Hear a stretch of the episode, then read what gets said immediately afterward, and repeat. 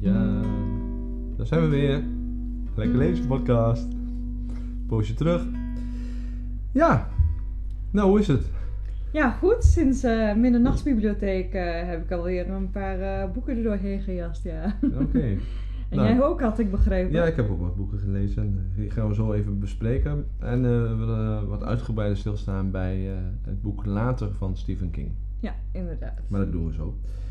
Um, wil jij even aftrappen met jouw uh, boek wat je recent hebt gelezen? Uh, ja, uh, er zijn er twee boeken die ik dan wil uitlichten. Um, de eerste is van Weilen Lucinda Riley. zij is vooral bekend van de serie over de zussen, vrij romantische boeken.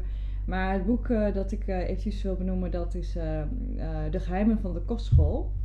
Uh, dat heeft zij in 2006 al geschreven, toen ze nog niet zo beroemd was. Uh, en nou ja, haar zoon heeft het postuum uh, laten uitgeven.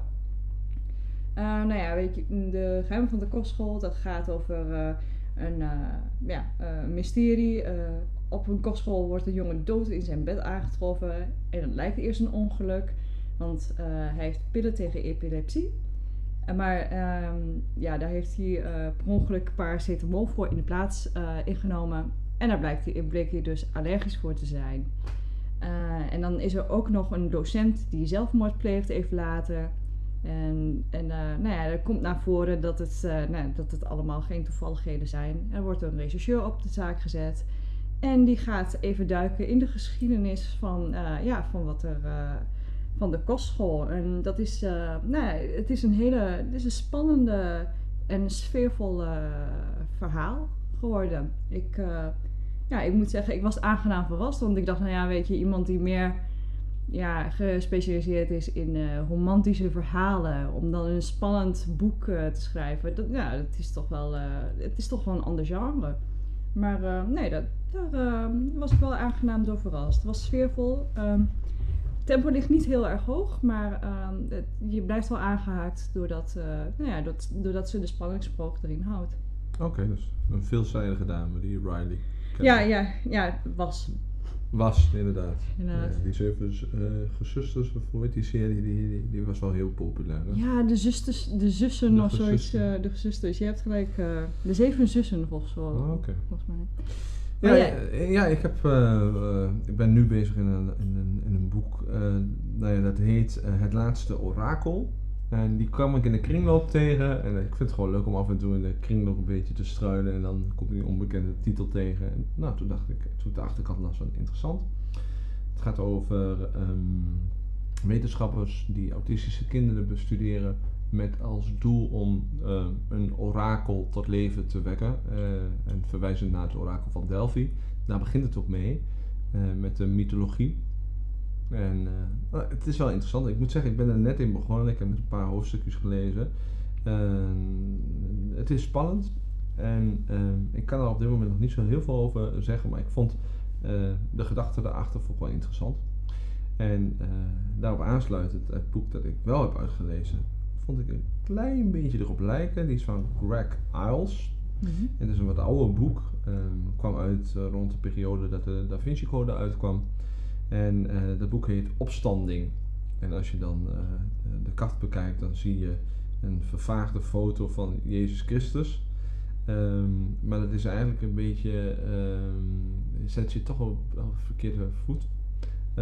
want het gaat over dat een, een, supercomputer wordt ontwikkeld uh, die uh, op kwantummechanica werkt en die wordt door het leger ingezet om codes te kraken. Um, maar die computer die kan nog veel meer. die zal in theorie ook menselijke hersenactiviteit kunnen scannen, waardoor het bewustzijn opgenomen zou kunnen worden in een computer. Oh? Nou, en een van de wetenschappers die uh, vindt dat te ver gaan en die moet vluchten. Uiteindelijk uh, wordt hij gedood.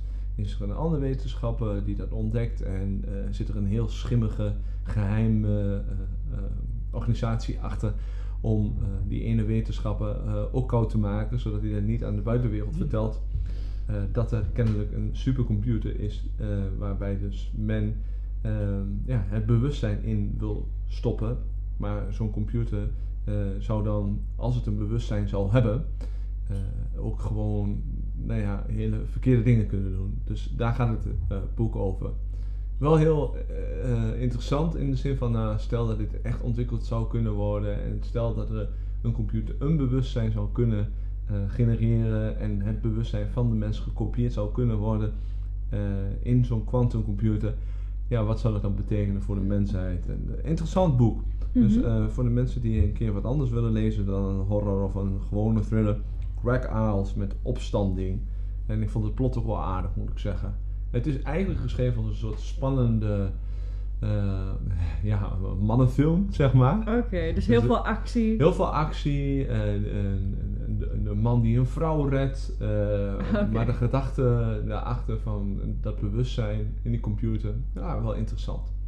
Dus, uh, dus wel iets wat je echt een beetje laat nadenken. Ja, ik, ik, ik moet opeens denken aan onze boekbespreking van Dan Brown, Oorsprong natuurlijk, omdat dat ook ging... Ja, lijkt er een klein beetje op. Ja, ja omdat dat ook uh, onder meer uh, over kunstmatige intelligentie ging. Klopt, maar... Ja, ik wil het niet weer weggeven. Nee, nee, nee, maar dat klopt. Het, heeft ermee te, het lijkt er een beetje op, alleen de opstanding ging meer, of um, nee, sorry, de, die van Dan Brown, Oorsprong, ja dit ging meer over de volgende stap in de evolutie van de mm mensen dat uiteindelijk uh, de, de, techniek het over zou nemen van, van de, de mens. en dit gaat meer over het integreren van de mens in de technologie. Dus het bewustzijn zo creëren dat het in een computer kan bestaan. En eigenlijk gaat het boek nog een stapje verder, waarbij eigenlijk op een gegeven moment wordt gezegd van alles wat is, is bewustzijn. En als het er niet is, is er geen bewustzijn. En als er geen bewustzijn is, is het er niet. Nou ja, goed. Het lijkt wel een beetje op dat van Dem. Ja, het gaat Dus in ieder geval heel filosofisch. En van dat soort uh, boeken, ja, die vind ik wel leuk om te, om te lezen. Ja, nou, dus, klinkt uh, goed. Ja, en ik ben ook heel benieuwd hoe dat andere boek waar ik het net over had, uh, van James Rollins. het laatste orakel, wat ook een beetje op lijkt. Hè, met het bewustzijn en zo'n zo orakel. Dat is trouwens wel grappig. Even terug naar het vorige boek hè, van James Rollins, waar ik net mee begon of dat orakel, het verwijst naar het orakel van Delphi. Ehm, de mythologische gedachte was dat er uh, iemand was die door middel van trance allerlei voorspellingen deed. Mhm. Maar nou blijkt dus dat wetenschappers ontdekt hebben dat daar waar Delphi is, dat daar een soort scheur was in de aardbodem, waardoor er dampen vanuit de aarde omhoog rezen en die werden ingeademd, waardoor mensen gingen hallucineren. En uh, ja, die riepen dan maar dingen. En ja, soms kwam het, kan, ja, kwam het kennelijk uit. Ah, bijzonder. nou, ik kan me wel voorstellen als er bijvoorbeeld mensen bij zaten die bepaalde uh, inzichten hadden in maatschappelijke ontwikkelingen. Dat uh, door zo'n ja, door, door dat in te ademen, dat op een creatieve manier daar een, een soort van voorspelling over konden doen. Maar dat eigenlijk een, een gewone analyse was die dan op een andere manier werd gepresenteerd. Maar ik ben nu aan Ja, nee, ja, als je dat leest van hersenonderzoeken en wat, wat uh, medicatie en, en drugs doen met hersenen, dat sommige hersengebieden uh, juist geactiveerd worden. Uh, nou ja, is het niet per definitie bedwelmend of dat het niet echt zou zijn, dat het allemaal imagination moet zijn. Het zal misschien wel geestverruimend in de zin van uh, het waarnemen van wat wij normaal gesproken niet kunnen waarnemen, maar juist op dat moment zou wel zou kunnen. Oké. Ja, ik zag het meer zoals uh, dromen uh, bepaalde processen of, of uh, gebeurtenissen in het leven op een hele creatieve manier presenteren aan degene die droomt. Oh, ja. Op die manier. Net zoals bijvoorbeeld dat je als je een probleem hebt en je gaat er een nachtje over slapen, dat het antwoord zich vanzelf aandient omdat je hersenen in het onbewustzijn op zoek gaan naar een antwoord. Precies. Ja, ja, ja. Dat is wel grappig, want ik heb laatst heb ik, gehoord van een onderzoek. Dat ging over een robot die leerde van de hersenactiviteit van mensen die als casus dienden. Die gingen in een soort machine, zo'n, hoe heet zo'n zo'n scanapparaat met magneten en die hersenactiviteiten. Nee. Ja, zoiets. In ieder geval de hersenactiviteiten konden gevolgd worden. En doordat men dacht aan een bepaald uh, plaatje, bijvoorbeeld van een meisje, dan ging uh, een, uh, een, deel van de hersenen werd dan actief. Omdat dat onderdeel krijgt dan meer zuurstof. En dat konden ze dan met de computer bijhouden. En de computer leerde daarvan um, dusdanig dat wanneer iemand een strip zag, En dan mocht hij niks bij horen of zeggen, maar dan ging die persoon in gedachten een verhaaltje verzinnen bij die strip. En uh, door op die manier uh, de, de hersenactiviteit uh, te, te volgen, kan een computer bijna voorspellen waar jij aan denkt. Dus je gaat dan liggen in het apparaat, jij denkt aan een auto en dan kan de computer aangeven: hey, jij denkt op dit moment aan een auto. Want jouw hersenen, Ja. die onthouden niet alleen het woord auto, die hebben het hele concept van auto. Dus Ja. een voertuig met vier wielen en een stuur en dat soort dingen. En kennelijk zijn computers nu zo in staat om dat gebied van de hersenen te monitoren, te volgen, dat ze kunnen voorspellen Ja. hè, met, met allerlei algoritmes, dat het, de kans heel groot is dat je op dit moment aan een auto denkt. Dat vond ik heel grappig. Dus- Ja, enerzijds fascinerend, anderzijds ook eh, Beangstigend. beangstigend, Nou ja, dat werd ook gezegd. Volgens mij was het de podcast waar ik dit eh, eh, had gehoord, dit verhaal. Dat iemand ook zei, maar ik vind het toch beangstigend. Dat je, dan zou je kunnen doorvoeren van ja, maar dan kunnen eh, computers in de toekomst op afstand onze gedachten lezen. Ik weet niet of dat gebeurt. Maar in ieder geval, een, een, een, een, mooie kant was bijvoorbeeld mensen die in coma zijn geraakt en niet meer kunnen spreken. Ja. Maar alleen bij wijze van spreken hun ogen nog kunnen bewegen. Daar zou je dus een gesprek tussen aanhalingstekens mee kunnen voeren. Omdat de, die computer dan wel eh, Ja. dat Oh, ja. zijn gedachten of haar gedachten kan volgen. Oh, dat is wel interessant inderdaad. Als je dat op, op, eh, op een dusdanige medische manier kunt, kunt gebruiken. Maar dan nog vind ik het altijd een beetje beangstigend met zulke interessante en ingrijpende technologische mogelijkheden. Ik ben, eh, Ja. ja, eh, eh, ja, we hebben toch iets in ons mensen dat het dat minder mooie kanten van ons op de een of andere manier daar grip op zouden kunnen krijgen. En dat, ja. Nou ja, ik denk dat Misschien dat te ik maken heeft. Het is ook wel wat filosofisch hoor, maar ik denk dat dat te maken heeft met het in controle willen houden. Wij mensen zijn denk ik heel erg geneigd van eh, controle en grip op de situatie. En eh, je bent eigenlijk ben je overgeleverd aan willekeur. Wij denken wel dat we controle hebben over de situatie. Of je nou eh, zelf in de auto zit en je denkt van ik kom veilig van A naar B. Maar je, je bent gewoon overgeleverd aan de willekeur. Ik denk dat dat heel vaak zo is. Maar dat wij zelf heel graag die controle willen houden. Absoluut. En vooral als het gaat over gedachten, dat andere mensen die controle zouden kunnen hebben, dat is nog beangstigender. Ik bedoel, ik ben. eh, ik, ik vind mezelf niet per se een slechte eh, persoon, maar ik heb soms gedachten waarvan ik denk, nou, dat, eh, het is maar goed dat andere mensen dat niet horen of niet weten. Maar ook daar geldt voor, want gedachten zijn alleen maar gedachten. Het is niet meer dan dat. De situatie is zoals die is. Jij hebt een bepaalde gedachte daarover, maar daar is het nog niet echt. Echter, eh, je zou, het kan best zijn dat de moraal later verandert. Dus, Nou ja, eh, bijvoorbeeld eh, wat je nu hebt bij eh, woke. Hè? Ja. Er zijn mensen die zeggen van hè, bepaalde schilderijen, bepaalde boeken kunnen niet meer. Want die is racistisch. Maar dan wordt het naar de maatstaven, de hedendaagse maatstaven, tijd, ja. ja, beoordeeld. Wie zegt ons niet dat, dat wij in de toekomst een ander moreel Ja. hebben, waardoor bepaalde gedachten als zijnde fout of als slecht bestempeld worden? Dat vind ik echt beangstigend. Ja, maar dat is met geschiedenis inderdaad. Je kijkt altijd door de bril van de, de tijd waar je op dat moment leeft. Dat, is, dat geldt voor de beeldenstand, dat geldt voor de, eh, de slavernij, dat geldt voor alles. Tweede Wereldoorlog, noem maar op. Eh, ja, en dan, dan oordeel je op die manier. Daarop aanhakend. Ja. Eh, ik ben nu momenteel bezig met een boek. Dat is de, ehm, A Guide to eh, Traveling to Time, volgens mij. Eh, wacht even. Ik, ik ga hem even bijhalen, want ik had deze niet voorbereid. Maar ik moest er net aan denken toen je het net benoemde. En dat is echt een... ehm, oh, The Time Traveler's Guide to eh, Medieval Eagle, eh, Engla- eh, England. A Mhm. Handbook for Visitors to the 14th Century. Ja, hij is helaas niet in Nederlands verkrijgbaar. Mhm. Maar ehm, ja, dat is eigenlijk een, een, inderdaad een handleiding, een, een, een soort van globetrotter, waarbij je gewoon in, ehm, in de middeleeuws eh, Engeland eh, wordt gepresenteerd is en zegt van ja, nou stel je voor, jij zit nou, eh, jij bent nu in de middeleeuwen, links van jij zie je de kerk, rechts van je staan, staan een paar bedelaars. Je hebt niet alle kennis die je in de huidige tijd zou hebben. De pest is op komst. Hoe zou jij reageren? Dat is echt een hele mooie. ja, ik heb nog niet zoveel gelezen, maar het is heel mooi geschreven. Sfeervol, actief en je, eh, het voelt ook echt als een rondleiding. eh, in, in het verleden. Dus eh, dat zou ik echt aanraden. Als kun je geen bezwaar keer is. de titel noemen van dat boek? ja, ik zal ja, niet dat ik het gelijk ga lezen hoor, maar misschien dat iemand denkt, oh dat klinkt wel interessant. Oké, The Time Traveler's Guide to Medieval England, a handbook for visitors to the 14th century. En dat is van Ian Mortimer. Oké, oké. Nou, mooi. Ja, ehm, ons eh, hoofdboek, hoofdthema is eh, Later van eh, Stephen King. Eh, het boek bestaat al een tijdje.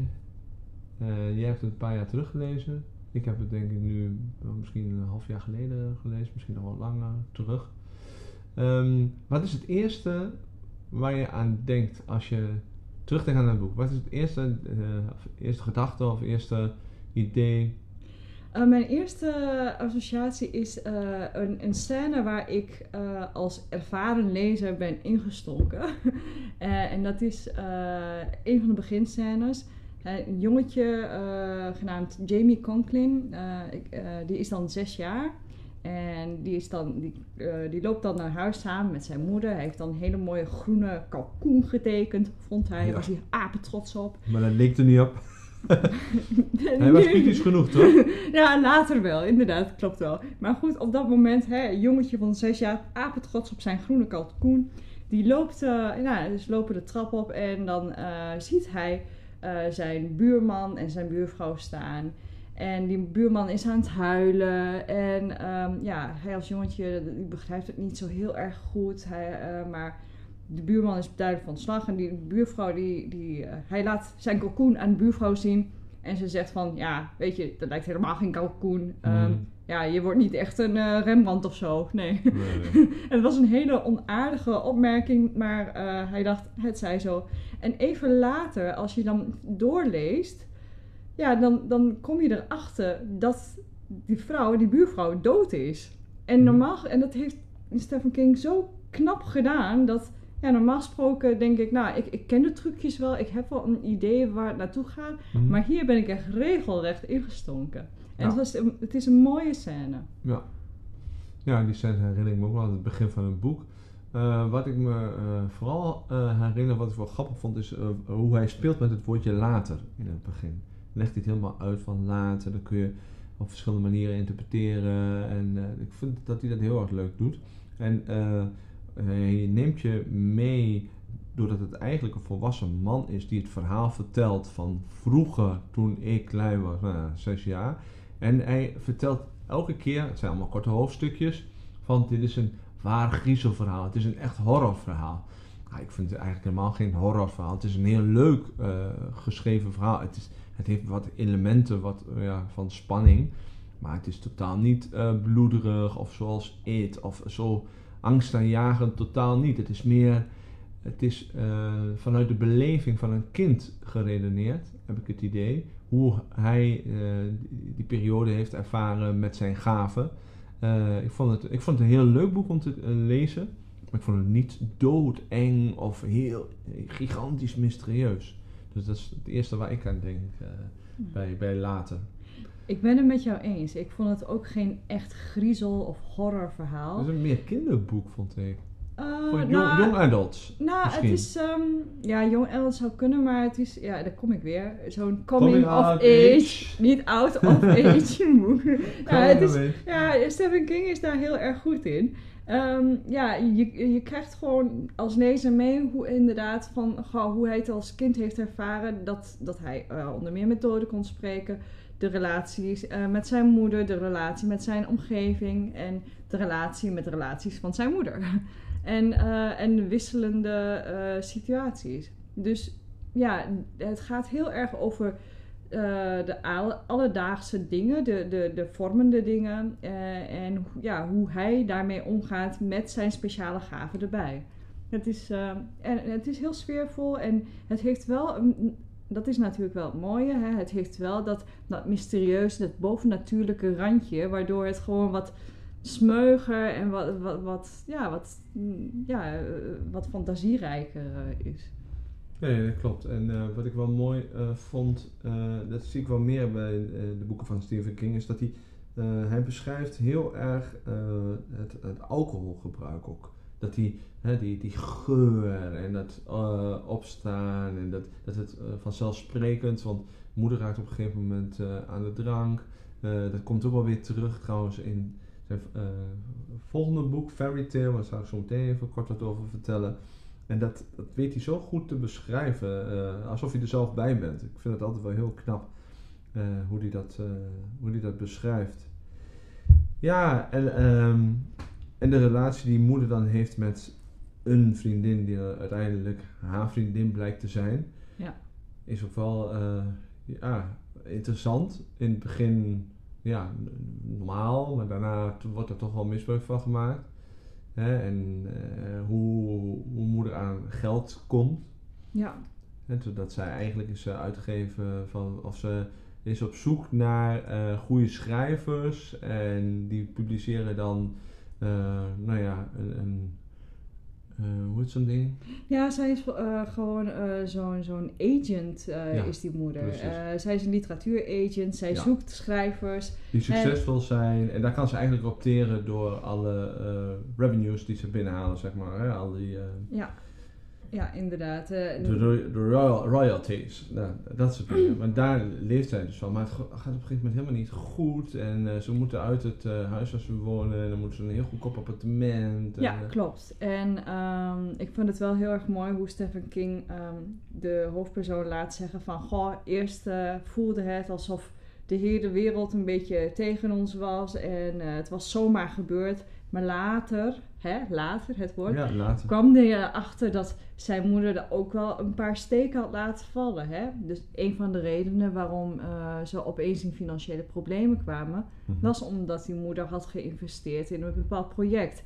Andere mensen hadden haar Ja. gewaarschuwd van, goh, als Ja, het te klopt. mooi lijkt om waar te zijn, Zij- is het waarschijnlijk ook wel. Nee, klopt. En, en maar, ehm, nou ja, goed. eh, dus, dus dat brengt, eh, brengt Stephen King ook heel erg mooi ehm, naar voren. Ook hoe, hoe de, zijn blik op zijn moeder ook ehm, ja, verandert naarmate hij ouder wordt. Mhm. Maar goed, eh, die moeder is dus inderdaad een literatuuragent. eh die, eh, nou ja, op een gegeven moment hebben ze een eh, financieel probleem. En ze houden het nog wel even vol. Maar dan, ja, dan, dan gaat een van de, de, de, de Zeg maar de topschrijver. ja, die, die, gaat, plotseling- dood. Ja, en die heeft een hele succesvolle boekenreeks reeks geschreven. Alleen het, bij het eindresultaat, eindboek, het, waar alles wordt eh, verklaard, ja, dan komt hij te overlijden.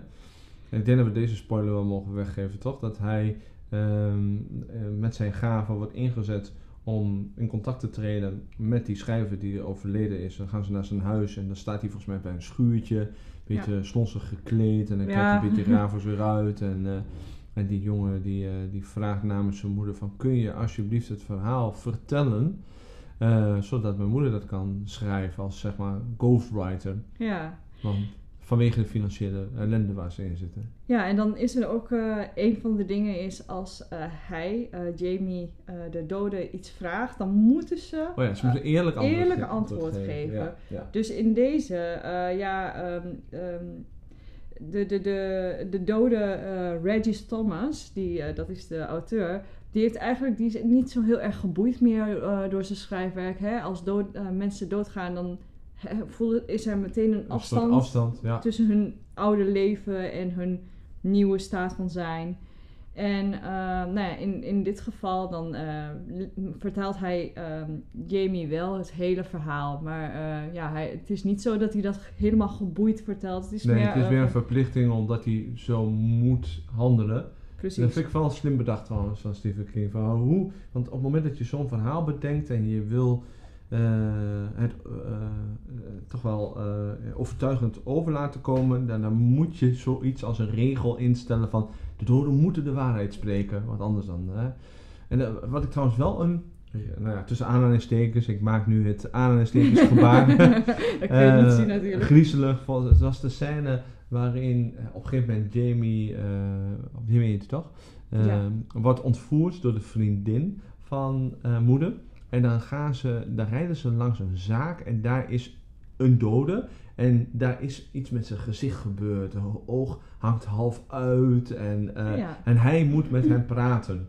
En, maar dan vindt hij doodeng. Hij moet er zelfs van kotsen. Oh ja, en uh, ik daar ook weer aan terugdenk. De e- allereerste keer dat hij een dode zag, Ja. dit me heel erg denken aan The Sixth Sense. Ja, Eh, daar heeft hij trouwens, daar, daar verwijst hij ook naar in het boek, naar eh, volgens mij die film van Bruce Willis. absoluut. Dat, die, eh, dat er een, eh, iemand op de fiets was, wielrenner, of in ieder geval een fiets, iemand op de fiets, en die, die, die was aangereden.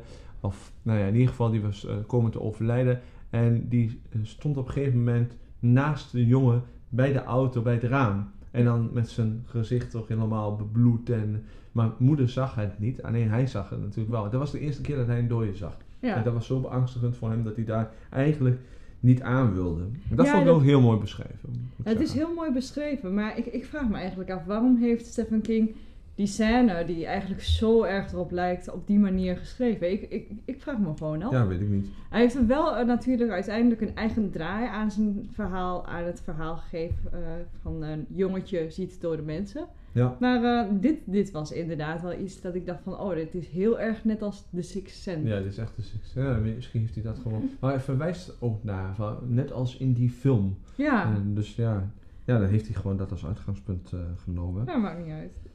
En wat, wat, wat ik wel leuk vind, eh, is dat hij toch de karakters neemt. Hè, dat, dat jongetje, die Jamie, als uitgangspunt. En vanuit zijn perspectief wordt het verhaal verteld. En dat hij dat later ook weer eigenlijk meeneemt in het boek Fairy Tale, zometeen. Ja? Dus ja, nou ja, niet letterlijk dezelfde persoon, maar het is wel. eh, het is net alsof hij het nu prettig vindt om over zijn eh, jeugd na te denken. Hij is natuurlijk al op leeftijd eh, Stephen, Stephen King, dus ja, je verlangt altijd nostalgisch naar het verleden van toen het allemaal nog leuk en onbezorgd was. Dus in Fairy Tale heeft hij het ook over een jonge knaap.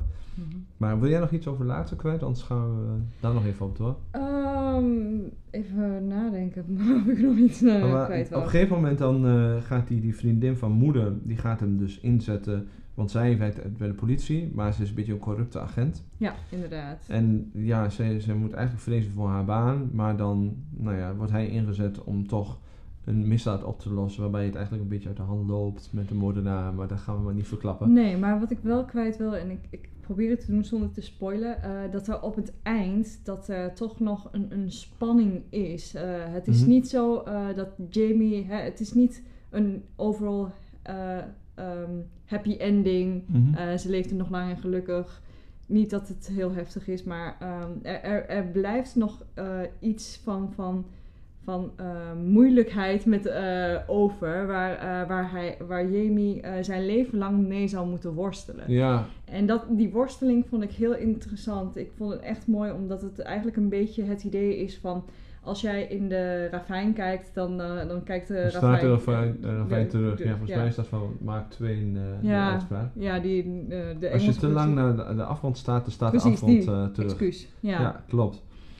Ja, en eh, wat ik wel leuk, eh, eh, of leuk vind, of, of opmerkelijk is, Stephen King maakt gebruik van de, de wijze de persoon, de wijze man in dit geval, een soort leraar.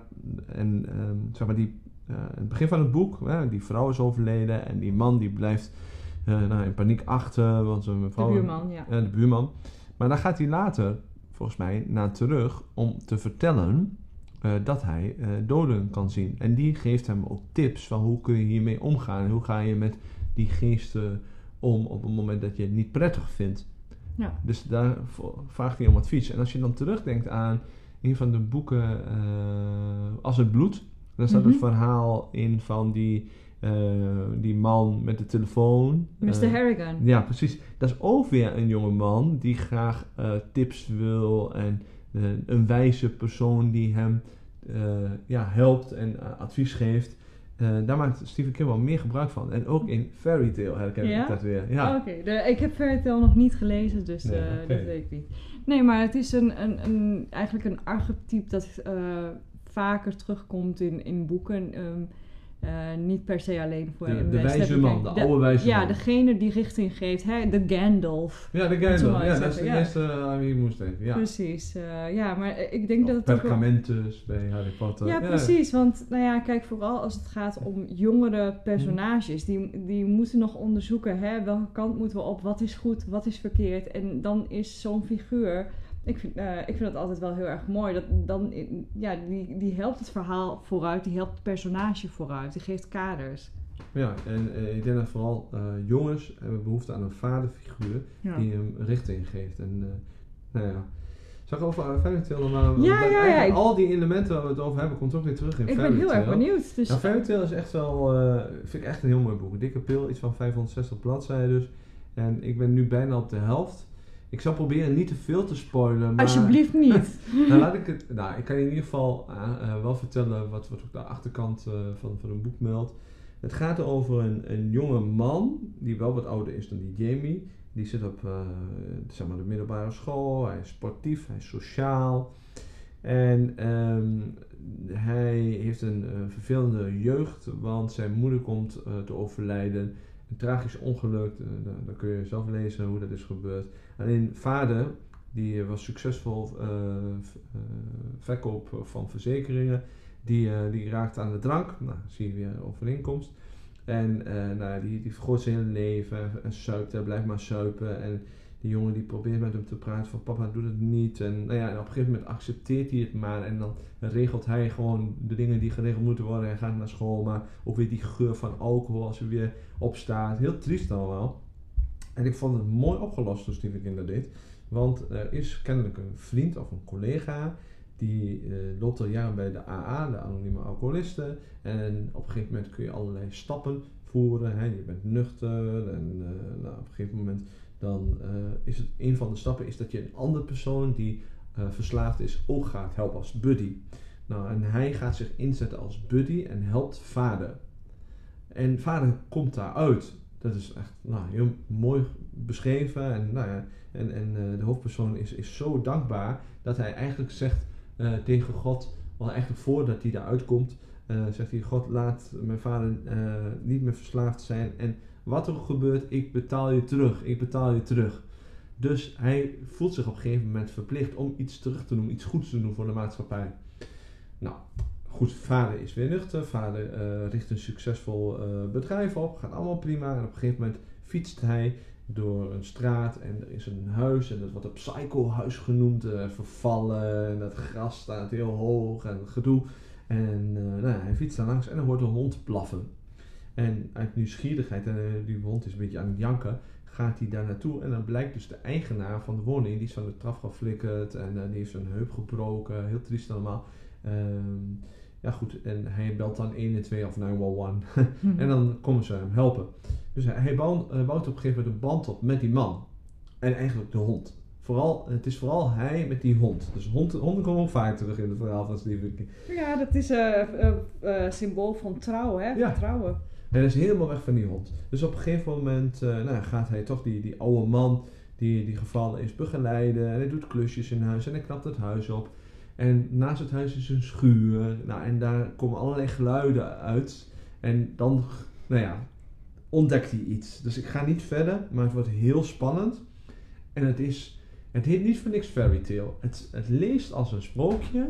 En tegelijkertijd is het zo eh, aannemelijk en zo logisch. Zo eh, dat je helemaal meegaat. En ja, dit zou best wel kunnen.